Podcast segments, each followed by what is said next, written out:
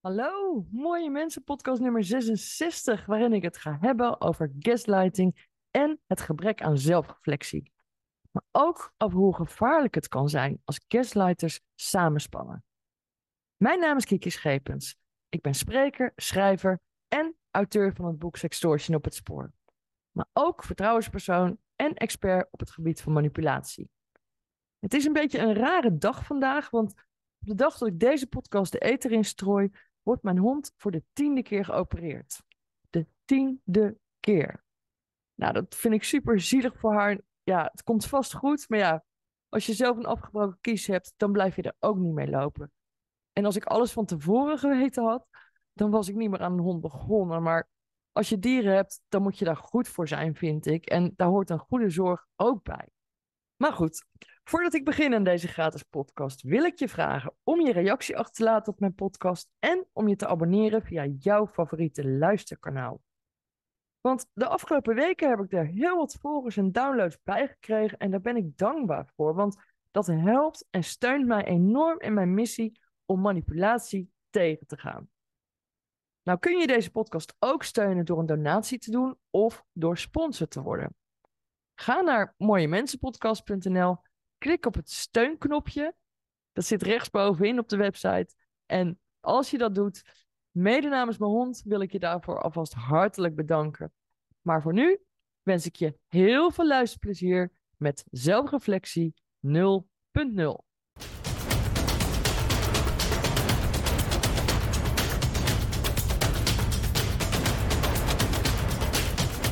In Mooie Mensen podcast nummer 64 heb ik beloofd om dieper in te gaan op het feit dat gaslighters, de destructieve personen in de samenleving, niet beschikken over zelfreflectie en hoe dat komt.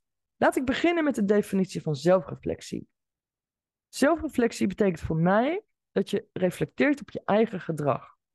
Jouw gedrag, hoe je staat in het leven, in de wereld, maar ook in relatie met anderen. Dat je kritisch durft te kijken naar jezelf naar jouw gedrag en hoe dat zijn uitwerking heeft op anderen, maar ook dat je kritisch kijkt naar hoe anderen reageren op jou en hoe je dat ervaart. Vanuit je eigen referentiekader, want ja, ieder heeft zijn eigen referentiekader, maar ook met respect voor het referentiekader dat anders is dan het jouwe. En vergeef me het woord referentiekader, want dit zul je nog wel vaker voorbij horen komen als je mijn podcast volgt.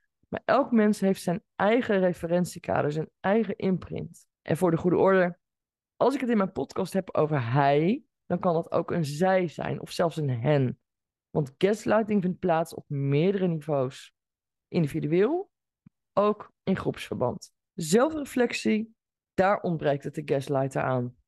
Nou ja, uh, gaslighter, narcist, psychopaat, noem het wat je wilt. Uh, maar de witte woordencriminelen, de agressors, meeste manipulators, whatever. Ik noem het destructieve personen of gaslighters. Nou is het woord psychopaat een beetje achterhaald. Tegenwoordig noemen ze dat de antisociale persoonlijkheidsstoornis. En mensen die daaraan lijden, die hebben geen zelfreflectie. Je leest of je hoort heel vaak dat zulke mensen zichzelf geen enkele spiegel voor kunnen houden. En dat klinkt lekker standaard, want ja, wat is het jezelf voorhouden van een spiegel? Die definitie die is voor iedereen anders. Maar de antisociale persoonlijkheidsstoornis, dat is een psychische aandoening. Een psychisch lijden met een lange ei, waarbij een persoon een langdurig patroon van manipulatie, uitbuiting of schenden van de rechten van anderen vertoont. Iemand die dus letterlijk grenzen overschrijdt van anderen en die niet kijkt, nou laat staan, geeft om de behoeften van anderen. En dat doen ze veelal zonder spijt of schuldgevoelens. En het gebrek aan zelfreflectie bij mensen met een antisociale persoonlijkheidsstoornis, ik noem ze voor het gemak maar even de destructieve personen, dat komt door verschillende factoren. Ten eerste, ze hebben echt een gebrek aan empathie of het ontbreekt hen eraan volledig. En dat betekent dat ze moeite hebben om zich in te leven in de gevoelens van anderen. En omdat ze daar moeite mee hebben, maakt dat het voor hen heel moeilijk is om te begrijpen hoe hun handelen en acties anderen beïnvloeden. Wat een belangrijk onderdeel is van zelfreflectie. Als je zelf een groot empathisch vermogen hebt, dan kun je je bijna niet voorstellen hoe het is om dat niet te hebben. Ik bedoel, als je iemand per ongeluk pijn doet, dan is het normaal dat je excuses aanbiedt, dat je sorry zegt. Maar iemand die lijdt aan een antisociale persoonlijkheidsstoornis, die denkt daar niet eens aan. Nou kan het wel zijn dat zo iemand wel vraagt of het gaat, of dat hij doet dat hij het rot vindt voor je, maar dat is aangeleerd en geveinsd gedrag, copycat gedrag, omdat het zo hoort, maar niet omdat diegene het voelt. Ten tweede, zulke destructieve personen die hebben vaak een opgeblazen gevoel van eigenwaarde en een enorm gevoel van superioriteit. En dat kan hen ervan weerhouden om hun eigen fout te erkennen of te accepteren dat ze iets verkeerd hebben gedaan. Dat kan zich bijvoorbeeld uiten doordat iemand overdrijft over zijn functie, zijn talenten of zijn prestaties. Maar hij verwacht wel als een superieur iemand behandeld te worden. En daarom dulden ze ook geen tegengas. Maar ja, wat is nou tegengas? Hè? Wat is jouw referentiekader als het gaat om tegengas? Als je het ergens niet mee eens bent of als je opbouwende kritiek geeft aan iemand anders, dan moet dat kunnen. Nou, bij zulke destructieve mensen kan dat dus niet. Als je nou in je werk of in een andere omgeving iemand wel eens hebt horen zeggen: Wie denk je wel niet dat je bent om dat zomaar tegen mij te zeggen? Dan zou dat al een rode vlag moeten zijn, want wie is een ander om te bepalen wat je wel of niet mag zeggen? En zo'n opmerking wordt vaak gemaakt als je iets zegt wat de ander niet accepteert en niet respecteert. En op grond waarvan, denk je dan? Je moet maar eens opletten. Iemand die zijn eigen fouten niet kan erkennen, die zal de schuld van iets altijd bij iemand anders leggen. Dus als je bijvoorbeeld een afspraak hebt met iemand en die persoon is te laat, dan zal die zeggen dat het komt omdat er een kilometers lange file stond. Maar hij zal er niet over nadenken om sorry te zeggen voor het feit dat hij te laat is. En als je daar wat van zou zeggen, dan moet je niet raar staan te kijken als iemand zegt: Ja, dat begrijp je zelf toch ook wel? Natuurlijk begrijp je dat, maar een afspraak is een afspraak toch? Als ik ergens te laat ben, dan voel ik me rot. Want dan denk ik: Ja, iemand anders zit op mij te wachten, heeft daar tijd voor gereserveerd. Dan kun je op zijn minst je excuses aanbieden. Gewoon omdat je het oprecht rot vindt. En ten derde, er kunnen ook biologische factoren zijn waardoor mensen met een antisociale persoonlijkheidsstoornis een gebrek aan zelfreflectie hebben. Dat heeft te maken met bepaalde verbindingen in de hersenen waarin ons zelfbewustzijn en empathisch vermogen geregeld zijn. Die zijn bij hen niet of nauwelijks ontwikkeld. En die ontwikkeling die is ofwel in de basis gestagneerd, of in iemands vroege jeugd door een trauma of omdat iemand bijvoorbeeld een zeer onveilige thuissituatie heeft gehad. En wat je ook vaak ziet, is dat een kind van zo'n destructief persoon later ook een destructief persoon wordt. Gewoonweg omdat het geestelijk en of lichamelijk zo mishandeld is dat het empathisch vermogen niet de kans heeft gehad om te kunnen volgroeien. Het is trouwens ook een eigenschap van ouders die zo zijn, of grootouders, om één kind een voortrekkersrol te geven. Dat ene kind wordt vaak op een voetstuk geplaatst en de rest doet er niet toe. Nou kan het natuurlijk zijn dat je een voorkeur hebt voor een kind, maar laten merken en laten blijken, nou dat is gewoon zielig voor een kind. En toch gebeurt het. En als ik het signaleer, dan vraag ik me wel eens af wie nou het kind is in het geheel. Want zulke destructieve personen zijn in wezen kleine, onzekere kinderen in een volwassen lijf. Want ze vinden zichzelf niet alleen de beste, de mooiste en de meest geweldige persoon die er bestaat. Ze willen dit ook horen van anderen.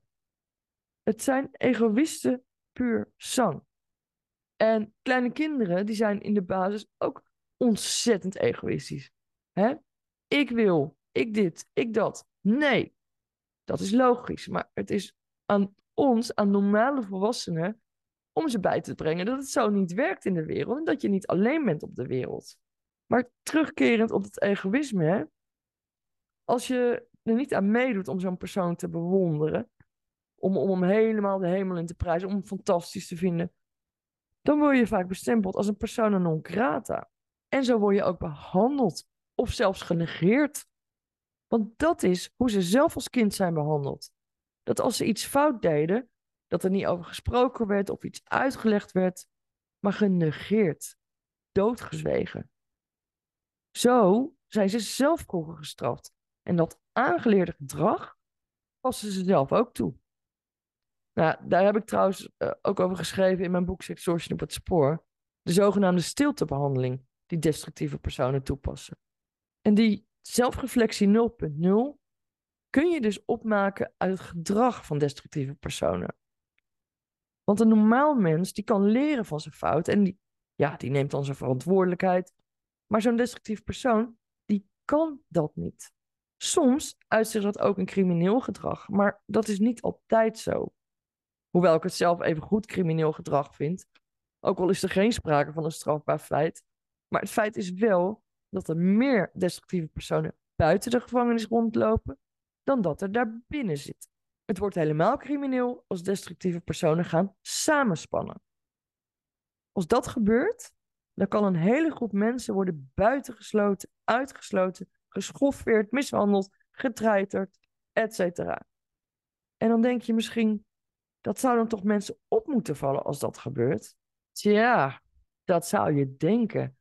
En het zal ook mensen opvallen, maar er zal ook een deel van die mensen zijn die dat niet opmerkt, die het niet doorheeft. Of een deel wat het wel doorheeft, zal toch meegaan in die buitensluiting, uitsluiting, etc.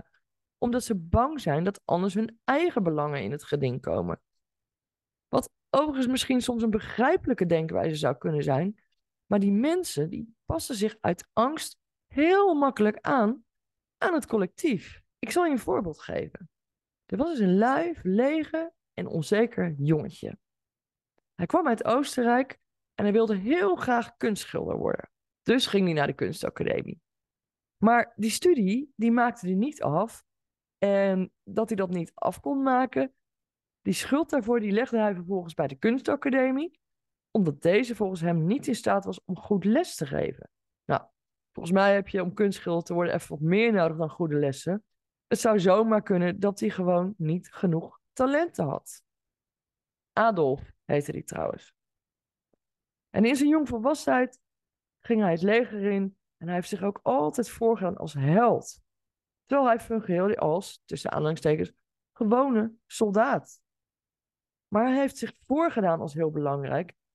En hij wist het door zijn sluwheid voor elkaar te krijgen om zoveel pionnen in te zetten, dat een groot deel van de mensheid destijds een haat ontwikkelde tegen Joden, Roma's, Sinti's, uh, gehandicapte hoeren, homoseksuelen. En wat zo kwalijk is aan wat deze Adolf gedaan heeft, is eigenlijk het op grote schaal angst inboezemen bij mensen, indruk maken op anderen, imponeren. Denk maar aan de enorme propaganda van destijds met veel vlaggen, hakenkruizen, grote militaire inzet. En met dat alles, daar heeft hij zoveel schade mee aangericht. Want doordat mensen die angst overnamen en erin gingen geloven, heeft hij duizenden mensen zo ver gekregen om de natiegoed uit te brengen, om voor hem te strijden, om mensen te vermoorden. En er was een grote groep mensen die het zag hoor, maar die zich toch aansloot bij Adolf. Hoe kan dat? Vraag je je af. Hoe heeft dat kunnen gebeuren? Want er waren ook mensen die bijvoorbeeld Joodse mensen wilden beschermen. En die dan door dat andere deel van de groep werden aangegeven. En vervolgens werden zij bestraft, alleen maar omdat ze in het verzet zaten. En Adolf en zijn vriendjes, nou, die voerden de meest gruwelijke medische experimenten uit op levende mensen. Lieten hen dwangarbeid verrichten onder erbarmelijke omstandigheden. En vergasten duizenden mensen. Zonder schaamte, zonder schuldgevoel en soms zelfs met plezier. Zij gingen ver over grenzen heen en ze wilden geadoreerd worden door de hele wereld. Walgelijk, verwerpelijk. En dit is geen verhaal wat ik je vertel, hè? Iedereen weet om welke Adolf het gaat. En als je me niet gelooft, nou, dan moet je maar eens op internet zoeken naar de Tweede Wereldoorlog en nazi's. Wat ik nou zo fascinerend vind, is hoe het mogelijk is dat Adolf zoveel volgers had. Dat zeg maar de massa hem volgde. Want elk weldenkend normaal mens zou dat niet doen, toch? Toch is het gebeurd. En dat noemen ze mass formation op zijn Engels. Oftewel massavorming. Overigens noemde Sigmund Freud noemde het massabildung. En die heeft daarover diverse publicaties gedaan. Nou, Sigmund Freud, dat is toch niet de minste, zou je zeggen, hè? En naast Sigmund Freud zijn er tal van professoren en hoogleraren die uitvoerig vertellen over deze term. Maar wereldwijd zijn nog altijd mensen die stellen dat de term mass formation moet worden gezien in de context van die tijd. Nou, sorry, maar mass formation is volgens mij gewoon een keiharde vorm van gaslighting die wereldwijd aan de orde van de dag is. Dus neem het me niet kwalijk dat ik een kritische denker ben als ik zoiets hoor of lees, want dat is ook de boodschap die ik je mee wil geven. Blijf kritisch denken en geloof niet zomaar alles wat je leest, ziet of hoort. En ga af op je eigen gevoel. Dat is vaak het beste. En daarom vind ik het belangrijk om inzichten te blijven delen over gaslighting. Want je ziet het pas als je het doorhebt. Dit was Mooie Mensen podcast nummer 66. Ik bedank je hartelijk voor het luisteren. En als je wilt, abonneer je op mijn kanaal via mooiemensenpodcast.nl. Laat even je reactie achter. En laten we ons samen sterk maken in de strijd tegen manipulatie. Graag tot de volgende keer.